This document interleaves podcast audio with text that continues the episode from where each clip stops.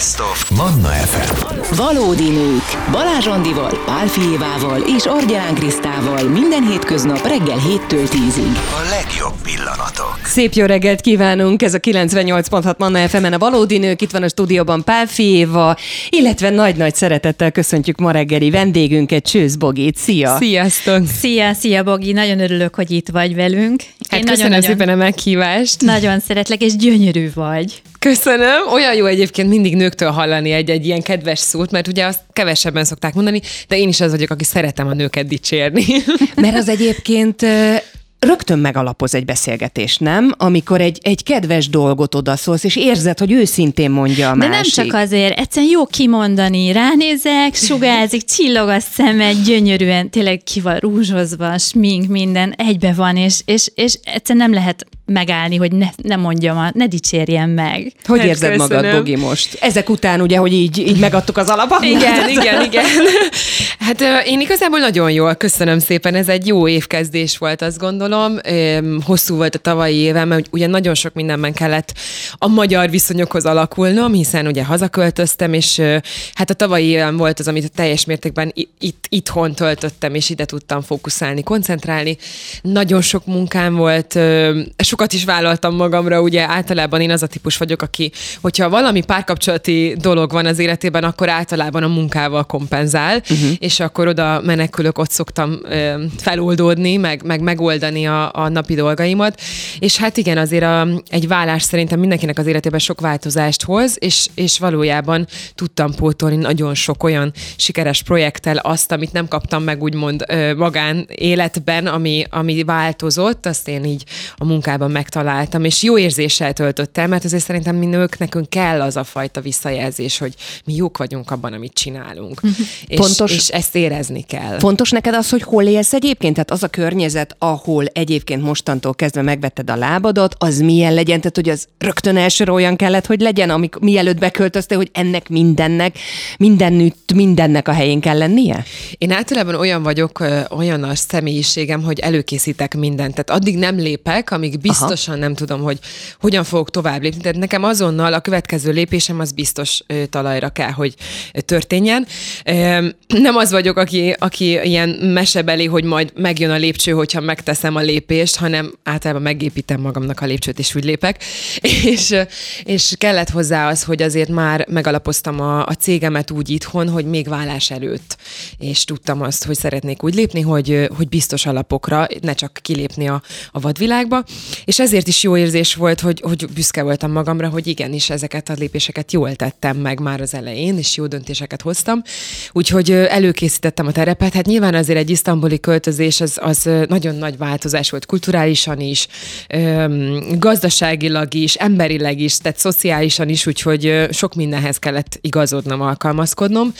Teljesen új kultúrába léptem vissza, tehát ez ugye olyan dolog, hogy az ember kap egy kulturális sokot, amikor kiköltözik külföldre, akkor is kell egy Hány év telt el? Mennyi időt voltál ki? Hát 15 év összesen. A sok, igen. Ami nagyon sok idő, tehát az így meghatározó volt az életemben. Az alatt felnő egy ember, Pontosan. ugye? Egy nő kiteljesedik, nő, és nővé válik, igen, igen, igen. Igen, plusz hát azért egy klasszikus párkapcsolatban voltam, tehát azért Törökország az egy olyan hely, ahol a nőt nőként kezelik. Tehát, hogy azért nekem a visszaalakulás, hogy én újra itthon vagyok, az kicsit fájdalmas volt így személyesen, azt mondhatom, mert, mert nőként másképp éreztem magam. Tehát most sokkal úgymond elveszettebbnek érzem magam, mint kint, mert ott van egy olyan fajta közeg, egy olyan táptalaj, ami a te nőiességedet, a nőiségedet táplálja. És és a férfiak is úgy viszonyodnak hozzá, tehát olyan a viszonyuk, hogyha férjed van, hogyha kapcsolatod van, akkor nagyon nagy tisztelet vesz körül, uh-huh. és ezeket a határokat soha nem hágják át. Tehát, hogy főleg, hogyha valaki anya, akkor meg még jobban, tehát abszolút piedesztára van, épi, van helyezve, és, és ehhez vissza kellett alakulnom, hogy, hogy újra egy kicsit be kellett zárkóznom, meg keményebb nőnek kellett lennem, mert ott ellágyultam, ott, ott kifinomodtam, ott, ott másabb nő voltam, és ezt amúgy a barátaim, az ismerőseim, sőt a családom is észrevette, hogy, hogy sokkal jobban bele tudtam helyezkedni abba a női finom létbe. Hát nyilván azért az is hozzátesz, hogy milyen a párkapcsolatod, milyen a párod. Az én volt férjem az kifejezetten egy, egy igazi férfi volt olyan szempontból, hogy ő nagyon szeretett gondoskodni, és megadta a módját annak, hogy én nőnek érezzem magam. És, és ezt újra megtalálni egy magyar magyar kultúrában szerintem nagyon-nagyon nehéz, mert nem, tehát nem negatívan szeretném ezt mondani, de sokkal keményebbnek kell lennünk nőknek itthon, sokkal többet kell tennünk magunkért, akár a munkánkban is, akár a családunkban, akár a, az otthoni dolgainkban is, mint a keleti kultúrákban. És ezt nem arra értem most, hogy nem kell kint feladatokat elvégezni, vagy nem kell irányítani a családot, meg a családi dolgokat, hanem sok dolgot levesznek a, a, a keleti világban a férfiak a vállunkról. Tehát, uh-huh. tehát most olyanokra értem, hogy például, hogyha van egy autód, akkor lehet, hogy ő megoldja azt, hogy mindene meg legyen oldva az autódnak. Kerékcsere, olajszintmérés, nem neked kell. Mehetsz és el kell intézned. Na jó, de azért ettől függetlenül te egy megbecsült üzletasszony vagy, és egy nagyon ügyes üzletasszony is vagy. Abban is ekkora a különbség kint mondjuk keleten, vagy itthon Magyarországon? Egyébként a választ én tudom, mert mi ismerjük ilyen szempontból is egymást, de, de, de, de mesélj egy kicsit erről, hogy mitől másabb az üzleti világ nőként itthon, illetve ott milyen volt? E, igen, tehát az udvariasság az, az mindenképpen ott van, hogy, hogy sok ugyanez a dolog, hogy leveszik a terheket a válladról, hogy amiről úgy érzik, hogy az nem egy női feladat. Tehát most neked nem kell azért, ugye most építkezésben vagyok, tehát az építészet az, amiben ö, ö, így megtaláltam magam, és például kint is, amikor én az üzleti dolgaimmal foglalkoztam, ugye ott is volt cégem, akkor sokszor éreztem azt, hogy ha férfiak vettek körül, akkor megpróbáltak segíteni a dolgaimban. Tehát ők felajánlották a segítségüket kérés nélkül, hogy mit tudnak megoldani az én életemben, miben uh-huh. tudnak segíteni, ne cserébe? fáradjak. És semmit nem Aha. kértek cserébe. Tehát ez nem egy olyan lépés az ő részükről, hogy ezért valamit neked tenned kell, hanem egyszerűen ők, mint férfiak azt érzik, hogy ezt meg kell tenniük. És uh, hogyan segíthetik a te életedet, mint nő. Tehát, tehát ettől érzik férfiasabbnak magukat. Igazából magukért teszik szerintem ezt a dolgot. Igen, tehát most mondok egy példát, hogyha mondjuk a, a volt férjem nem volt otthon, és uh, volt egy pár ismerős körülöttem, akkor azok a férfiak felhívtak telefonon, és megkérdezték, hogy Bogi, tudjuk, hogy most nincs itt a férjed éppen, miben segíthetünk? Elintézzük ezt, vagy azt, vagy el kell küldeni valamit, vagy a csomagot felvesszük, vagy bármit, tehát apróságok, ami a te életedet könnyítheti. És, és ezt nagyon-nagyon jó volt érezni, miközben ugye az itthoni kultúrában ez nincs meg. Tehát ugyanúgy kimegyek terepre egy építkezésre, és felhúzom a bakancsot, és felveszem a védősisakot magamra, és nem fogja senki azt mondani, hogy Bogi, kiszaladunk helyetted, megcsináljuk, meg megnézzük, lekontrolláljuk, uh-huh. hogy minden rendben van-e, hanem nem te kimész és megnézed, és ott vagy, és lekontrollálod. Szóval ez, ez egy kicsit másabb ilyen szempontból. E, nyilván ennek is megvan a, az előnye, mert nőként egy sokkal e, rátermettebb, keményebb nő leszel, aki sokszor olyan helyzetekben is feltalálja magát, amit nem gondoltál volna, hogy neked kell megoldani, uh-huh. és neked kell irányítani az embereket, vagy megmutatni, hogy hogyan kell azt a dolgot csinálni. Sokkal több szakértelmet ö, ö, tanulsz szerintem, vagy, vagy sokkal több mindent sajátítasz el ezáltal, de nincs meg a kényelmed. Uh-huh. Te egyébként kontrollmániás vagy? Bizonyos értelemben igen, mondhatnám azt, hogy kontrollmániás vagyok, de nem vagyok egy kontrollőr, tehát én nem szeretek megmondani embereknek dolgokat, hogy hogyan csinálják, én szeretek javasolni, tanácsokat adni, elmondani a gondolataimat, de soha nem ö, erőszakolom rá az én gondolatvilágomat, vagy elképzelésemet másokra. Mindig teret hagyok annak, hogy a másik ember eldönthesse, hogy hogyan szeretné azt megoldani. Hogyha időközben elbukik, akkor nyilván rájön, hogy igazam volt, és akkor változtat.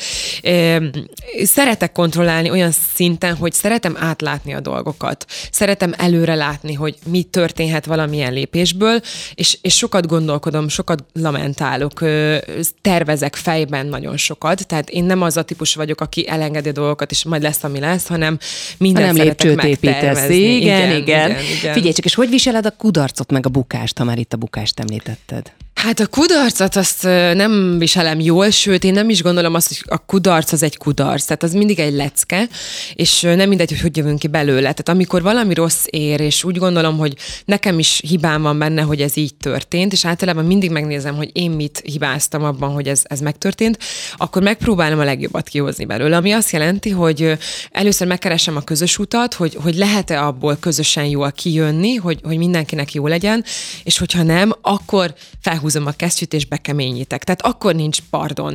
És, és meg szoktam húzni a határokat. Én nagyon büszke nő vagyok, tehát én általában az a típusú vagyok, aki nem tud ki, tehát a kedvességemet azt mindig gyakorlom az utolsó pillanatig, de ha úgy látom, hogy a másik az, az, az erőszakosan, egóból szeretne valamit velem szemben elkövetni, vagy, vagy nem, nem hajlandó arra, hogy közös utat találjunk, akkor én is megteszem azt a kemény lépést, amit muszáj, hogy megtegyek, és nem, tehát nem fogok engedni abból, hogy, hogy valaki engem megalázom, vagy, vagy olyan helyzetbe kényszerítsen, hogy bebizonyíthassa azt, hogy én egy gyenge nő vagyok, vagy, vagy velem mindent meg lehet csinálni.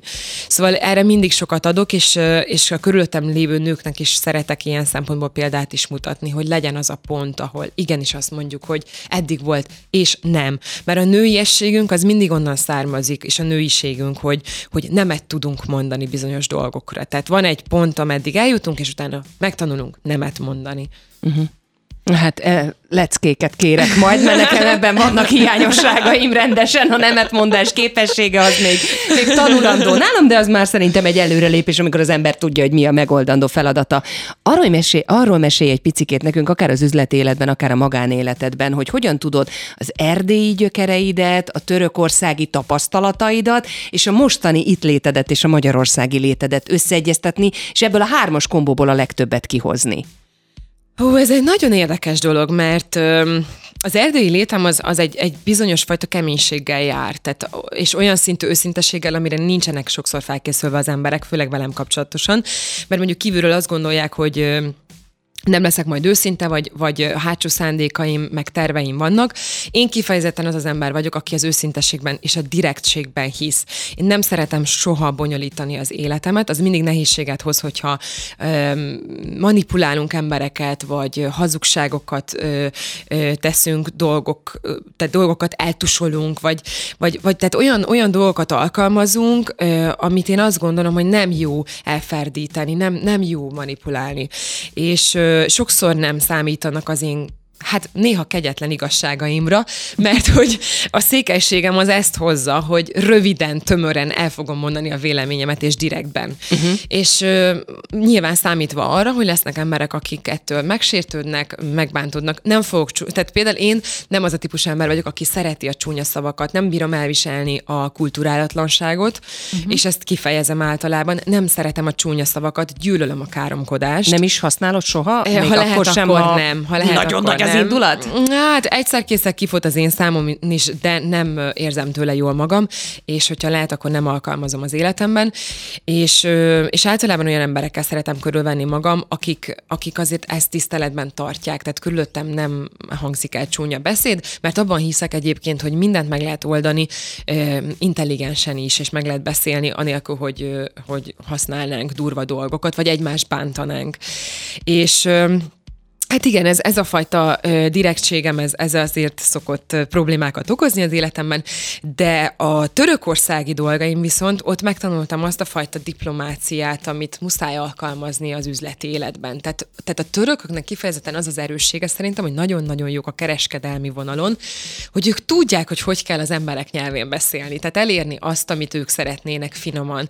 Például a törököknél nem lehet hallani ö, normális kulturális közegben, hogy ők káromkodnának, vagy csúnyán beszélnek, tudom, hogy sokszor nem ez a tapasztalata a magyaroknak, mert bemennek egy bazárba, és akkor az a, az egyetlen benyomásuk, de alapjáraton a törökök nagyon-nagyon kulturális emberek, főleg amiatt is nyitottak, és sokkal flexibilisebbek, mint a magyarok, mert nagyon sok kulturális behatás éri uh-huh. őket. Tehát nagyon-nagyon sok nyelvvel és néppel találkoznak, és ezt hozzák évezredek óta. És azt például nagyon jól meg tudtam tanulni így, így velük együtt, meg körülöttük, hogy hogy, hogy lehet jól üzletelni. Uh-huh. Tehát hogy lehet azt elérni, hogy, hogy a más típusú emberek, akik másképp gondolkodnak, azok meg tudják érteni a te gondolatvilágodat is, vagy azt a célt, amit te is el akarsz érni, úgy, hogy az övék se sérüljön. Úgyhogy ezt, ezt így szerintem nagyon-nagyon jól haza tudtam hozni, és hát a, a magyar részem viszont azt látom, hogy van egyfajta keménység, egy, egy kocka gondolkodás, Bizony. hogy nehezen engedik be az új dolgokat, a, a modern gondolatokat, miközben a világunk változik napi szinten, azt ti is tapasztaljátok, hogy sokkal flexibilisebbnek kell lenni, gyorsan kell váltani, vált, változtatni, akár a saját személyiségünk életünkben és a gondolatainkban is, tehát ezt a napi szintű, például meditációt én azért is alkalmazom, mert mert bizonyos dolgokat meg kell, hogy oldjunk fejben, gondolatban és lélekben is, ahhoz, hogy tovább tudjunk lépni, és ne ragadjunk be. Mert sajnos, hogy a mi kultúránkkal tényleg az jár, hogy valahol középen ragadtunk, nem engedjük be a, a keleti e, spiritualitást olyan könnyen magunkba, tehát sokan foglalkoznak a témával, de úgy igazán gyakorlatban a saját életükben nem tudják szerintem gyakorolni, nem csak aha. mentálisan, vagy elolvassák a könyveket erről, meg hallanak dolgokat róla, de alkalmazni nehezen e, alkalmazzák, és a nyugati kultúrából viszont azt a fajta dinamikát, hogy mindig tudjunk gyorsan váltani, és a modern korhoz tudjunk alkalmazkodni, akár a családjainkban, akár a kapcsolatainkban, akár az üzleti dolgainkban, hiszen azért mindenki látta azt, hogy a COVID során mennyire nehéz volt váltani, nehéz volt ugye az üzleti dolgokat rendbe rakni, uh-huh. mert már előre fel kellett volna készülni, már előre kellett volna tudni, hogy hoppá, itt van most egy helyzet, ami bizony felfordítja az egész gazdasági világunkat. Tehát ezt már azonnal kellett volna tudni, hogyha kicsit flexibilisebbek lennénk, és nem ülnénk, és várnánk, hogy mi lesz. És, és, ezt, és ezt jó volt így hazahozni, tehát azt látom magam körül is az emberekben, hogy néha meglepődnek, hogy milyen gyorsan, dinamikusan tudok váltani, változtatni. Mm-hmm.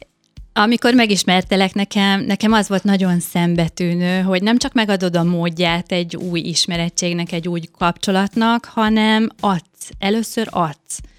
Tehát először adsz és bizalmat ébresztesz, elkezded megismerni a másikat, és addig még szó nincsen arról, hogy itt biznisz, vagy ezt vedd meg, azt vedd meg. Ugye nálunk Magyarországon ez a jellemző, pláne üzleti közösségekben. Névi egy kártyacsere, és akkor oké, te mit adsz el nekem, én mit adok el neked. És itt kb.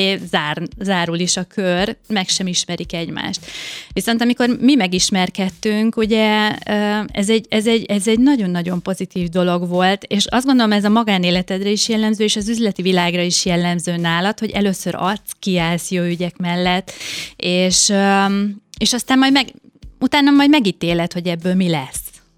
Igen. Az, ez tudatos? Az, ez ez biztos. tudatos is ilyen biztos. szempontból, de én felfedeztem magamban azt, hogy sokkal jobban működik-e a, a világ, hogyha először is azzal foglalkozunk, hogy mit tehetünk másokért. Tehát, tehát én egy picit mondhatnám azt, hogy a keleti kultúrához jobban vonzódom ilyen szempontból, tehát egy buddhista gondolkodásmód áll közel hozzám, ami azt jelenti, hogy mindig azt nézem meg, hogy én mit tehetek másokért, uh-huh. és nem elvárok. És ez ugyanez párkapcsolatban is, tehát hogy én nem az vagyok, aki ö, számolgat és elvárja, hogy akkor nekem mi lesz a jó, meg hogyan lesz jó, hanem én azt nézem meg, hogy mit tehetek a másikért, és aztán majd kiderül, hogy nekem az jó lesz-e, vagy sem. Tehát megadom az esélyét annak, hogy a másik is bizonyítson, bizonyíthasson mellettem. Üm, és az önzetlen adásban abban van egy szépség, tehát van egy olyan fajta ilyen lelki könnyedség, amikor olyan jó így élni ebben a tudatban, hogy, hogy te megtettél mindent, akár az üzleti dolgaidban is másokért, és nem visszafogtad az energiáidat, hanem kitárasz, tehát kitártad mások felé, és megadtad a módját annak, hogy sok jó dolog bejöjje, bejöhessen az életedbe, mert sok mindent nem tudunk eldönteni, hogy abból a kapcsolatból, aminek esélyt adtunk, akár emberi kapcsolatok, akár párkapcsolat, abból milyen lesz, lesz-e vele jó, jár-e vele jó, és nem, nem kereskedelminek nézem ezeket a kapcsolatokat, hogy én nekem mi lesz a jó, és pénzügyileg, hogy kiszámolom, hogy hát a haszon, mennyi, hanem, igen, hanem egészen. mennyi hasznom származik belőle. Nekem így is úgy is lesz hasznom, mindig azt gondolom. Tehát, hogy még akkor is, hogyha pénzt nem keresek belőle, lehet, hogy lett egy jó napom, lehet, hogy lett egy, egy jó barátság belőle, lehet, hogy meghívtak utána egy év múlva, tíz év múlva valahová, ami nekem adott. Tehát soha nem tudjuk ezeket kiszámítani, és ezért van az, hogy én mindig pozitívan állok, és mindig először adok. Na hát akkor nem sokára belemegyünk egy picikét az üzleti élet rejtelmeiben. Nagyon kíváncsi vagyok arra, hogy hogy üzletelnek a nők, te hogy látod, hogyan viszonyulnak női üzletasszonyként hozzád, hogy üzletelünk mi magyarok, mi a megítélésünk a külföldiek szemében, úgyhogy csősz boglárkával még nagyon sok izgalmas dologról fogunk beszélgetni. Jövünk vissza nem sokára itt a Valódi Nőkben. Szép napot kívánunk mindenkinek, 6 perc múlva lesz 3-4-10. Szia Évi! Szia, sziasztok, és Andi, gyógyulj meg nagyon gyorsan, mert nagyon hiányzol nekünk. Várunk ide-vissza a stúdióba, de szerencsére mindig tudjuk pótolni, egyébként nem is pótolni, ez hülyeség, hanem kompenzálni a hallgatóinkat gyönyörű vendégekkel, hölgyekkel, urakkal, természetesen Csőzbogi most a vendégünk ebben az órában, akivel már beszélgetünk sok mindenről, üzleti életről, úgy arról, hogy te most hogy érzed magad a bőrödben, de szeretnénk most konkrétan konkrét dolgokba is belemenni, hogy hasznos tanácsokat is tudjunk kézzelfogható dolgokat adni a hallgatóinknak és a hölgyeknek, hogy, hogy hogyan üzletelnek a nők, neked mi a tapasztalatod, és hogyan kellene csinálni ezt jól. Ugye Bogiról tudni illik, hogy, hogy ő producer is, és számos projektberuházásnak a részese, úgyhogy bőven van mit mesélned szerintem. Bogi, szia Bogi! Sziasztok újra! Hát valójában én, én azt szoktam mondani, és volt egy közös témánk is erről, hogy hogy ami hiányzik nagyon, és sajnálom, hogy ez még mindig nem született meg itthon, az a fajta igényesség, elegancia az üzleti életben, ami sok már nyugati kultúrát jellemez. És, és ehhez nem csak az kell, hogy most mi nőként nagyon elegánsan megjelenjünk egy tárgyaláson, vagy, vagy adjunk magunkra, hanem az a fajta beszédstílus, kultúra, hozzáállás, ami sokszor hiányzik. Tehát azt a fajta zárkózottságot mentalitásban, amit tapasztalok általában itthon, annak néha úgy, úgy vágynék rá, hogy egy picit, hogyha tudnék varázsolni, akkor az úgy, úgy változzon, úgy megnyíljanak jobban az emberek egymás iránt, meg egymás igényei iránt is. Ami azt jelenti, hogy Például sokszor olyan elképzelés van, és, és ezt nagyon sokszor tapasztalom az én életemben, hogy olyan dolgokhoz, amihez te nem értesz, azt nem csinálhatod. És ez szerintem egy nagyon-nagyon rossz hozzáállás az üzleti életben, mert a legeslegjobb üzleti dolgok akkor születnek, hogyha azt csinálod, amihez nem értesz. Akkor Mert fogod más nézőpontot tudsz Pontosan. bevinni, Igen, nem tehát, a megrögzült hogy akkor dolgokat fogsz újat járod. tanulni, akkor fogsz valami újat felfedezni magadban, hogyha megengeded magadnak azt, hogy tévedj, hogy hibáz, hogy néha eles az úton, de új dolgokat felfedez, új dolgokat kipróbálj, és mi olyan dolgokat is, amik nagyon férfias szakmák. Tehát, hogy, hogy az a fajta mentális limitáció, hogyha életbe lép, akkor nem fogunk tudni jól üzletelni, hogyha mindig azzal állunk szembe a másik partnerrel, hogy ő biztos, hogy jobban tudja, szakmailag előrébb áll, és én mit fogok tudni hozzátenni a dolgokhoz. Hú, ez nagyon érdekes, bocs, hogy szabadba vágok, de hogy a, a felsővezető nőkkel ez a legnagyobb probléma, hogy egy tárgyalás előtt elkezdi ismertetni a kompetenciáit.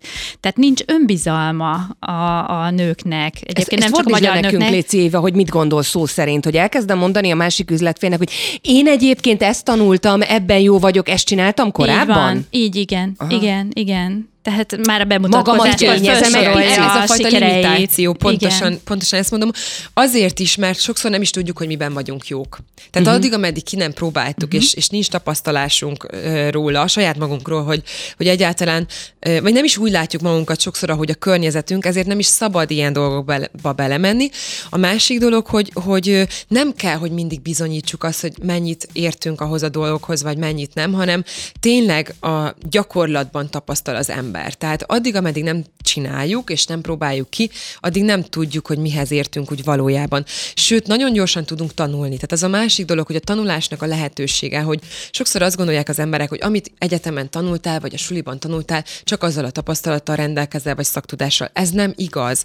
Tehát az, az ember ugye végig tanul egész élete során, napi szinten tudunk elsajátítani nagyon sok dolgot, és ezért kell megadni magunknak azt az esélyt, hogy, hogy minden nap tanuljunk valami újat.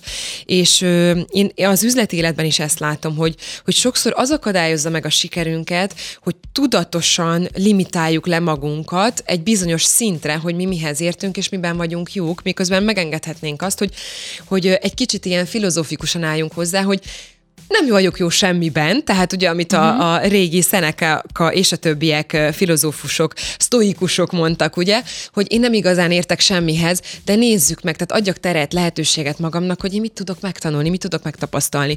És ez a fajta hozzáállás kell szerintem az üzleti élethez is, hogy akár a dolgozóinknak, akár a partnereinknek megadjuk az esélyt arra, hogy meghallgassuk őket, megtanuljuk, vagy akár tanuljunk tőlük is sok mindent magunkba szívjunk, illetve miközben tapasztalunk, azt a fajta tudást tudjuk vissza is adni a környezetünknek, és elgondolkodni, közösen gondolkodni, például közösen teremteni, az is egy, egy hiányosság, amit én sokszor látok, hogy, hogy nyitottabbnak kell lenni a közös ö, munkára, a közös gondolkodásra például, és annak megadni az esélyt, ne csak döntéseket hozzunk, hogy ez most így legyen, meg úgy legyen, meg ezeket ki, kiadjuk, hanem valóban leüljünk és gondolkodjunk együtt. Öm, úgyhogy én igazából itt látom a, a nehézségeket, hogy sokszor az emberek nem adják meg ennek a módját, és amit beszéltünk korábban, korábban is, hogy, hogy sokszor az üzletéletben nem az a lényeg, hogy eladjunk és vegyünk, nem ilyen uh-huh. nyersen kell gondolkodni, hogy én mit tudok adni, és te mit tudsz nekem cserébe adni, hanem először megadni az emberi kapcsolatoknak a lehetőséget. Először csak kávézzunk, először csak ebédeljünk egyet, beszélgessünk, ismerjük meg egymást, és onnantól tud elindulni egy folyamat, hogy együtt közösen megtaláljuk azokat az erősségeket, pontokat egymásban, ami miatt jól fogunk tudni együtt valamit összehozni, a valamit teremteni, egy jó üzleti vállalkozást akár összehozni. Úgyhogy én igazából ebben hiszek. Mi is ebben hiszünk, és pont ezért tök jó a kapcsolat egymással. De térjünk vissza egy picit oda, hogy ugye a magyar nők önbizalomhiányosak, pláne az üzleti életben, kevesebb pénzt is keresnek, nem ismerik elhinni magukról, hogy képesek a feladatra. Ugyanakkor ott van a másik oldal, ugye, vagy átesünk a másik oldalra, és férfiasan üzletelünk, férfiasan viselkedünk, ugye én ezeket szoknyás pasinak hívom, és nem tudjuk, vagy nem tudjuk meg, igen, nem tudjuk megtartani a nőiességünket, a női szuperképességeinket, ugye pont, amit mondasz, ez a, ez a kapcsolatépítés, kötődés. Szóval Mit, mit gondolsz erről, hogy a férfias nő Igen, az üzleti ez, ez életben? a fajta kompenzálás szerintem lép életben, amikor ez történik. Most én, én azt vettem észre egyébként, hogy mindig az működik jól, hogyha mi nem akarunk ö, valakire rátronfolni, vagy nem akarjuk bebizonyítani, hogy mi is képesek vagyunk rá. Nekünk nem kell ezt bizonygatni nőknek, hogy mi is képesek vagyunk rá, hiszen miért ne lennénk képesek rá? Tehát szerintem először is ez, ez innen indul ez a gondolati sík, hogy ne akarjuk már megmutatni, hogy ugyanarra képesek vagyunk, hiszen teljesen másképp működünk, teljesen másképp gondolkodunk, más a, a lelkünk, más, más a, a hozzáállásunk dolgokhoz. És pont ezért nem szabad abba energiát fektetni, hogy bizonygassunk, hogy mi is meg tudjuk ugyanazt csinálni. Nem fogjuk ugyanúgy csinálni, és nem fogjuk ugyanazt csinálni. Másképp fogjuk csinálni. És erre kell, hogy büszkék legyünk. Tehát ne, ne akarjuk a pasikat mindig ö, valamilyen szempontból túlkompenzálni, vagy, vagy bizonygatni, mert az is egy nagyon férfias hozzáállás, a bizonygatás, meg a rivalizálás, semmi szükség rá. Uh-huh. Tehát, tehát pont az a fajta női hozzáállás, hogy igen, tehát én büszke vagyok arra, aki vagyok, én így vagyok jó én ilyen vagyok, én ez vagyok, és, és ebből fogom a legjobbat kihozni. Tehát ne akarjanak mércével, vagy mére, méricskélni, sem magunkat ne próbáljuk méricskélni, hogy milyenek vagyunk ahhoz a pasihoz, vagy férfi vezetőhöz képest, és, és ők sem méricskéljenek, ne engedjünk meg azt, hogy méricskéljenek minket, hogy nekünk mi az értékünk. Szeretik a férfiak egyébként, hogyha nővel üzletelnek, aki egy magabiztos és, és határozott, erős nő, és tudja képviselni a nőiségét is, mint mondjuk például te egy üzleti szituációban, helyzetben? Tehát ezt szeretik a férfiak, vagy inkább megijednek tőle?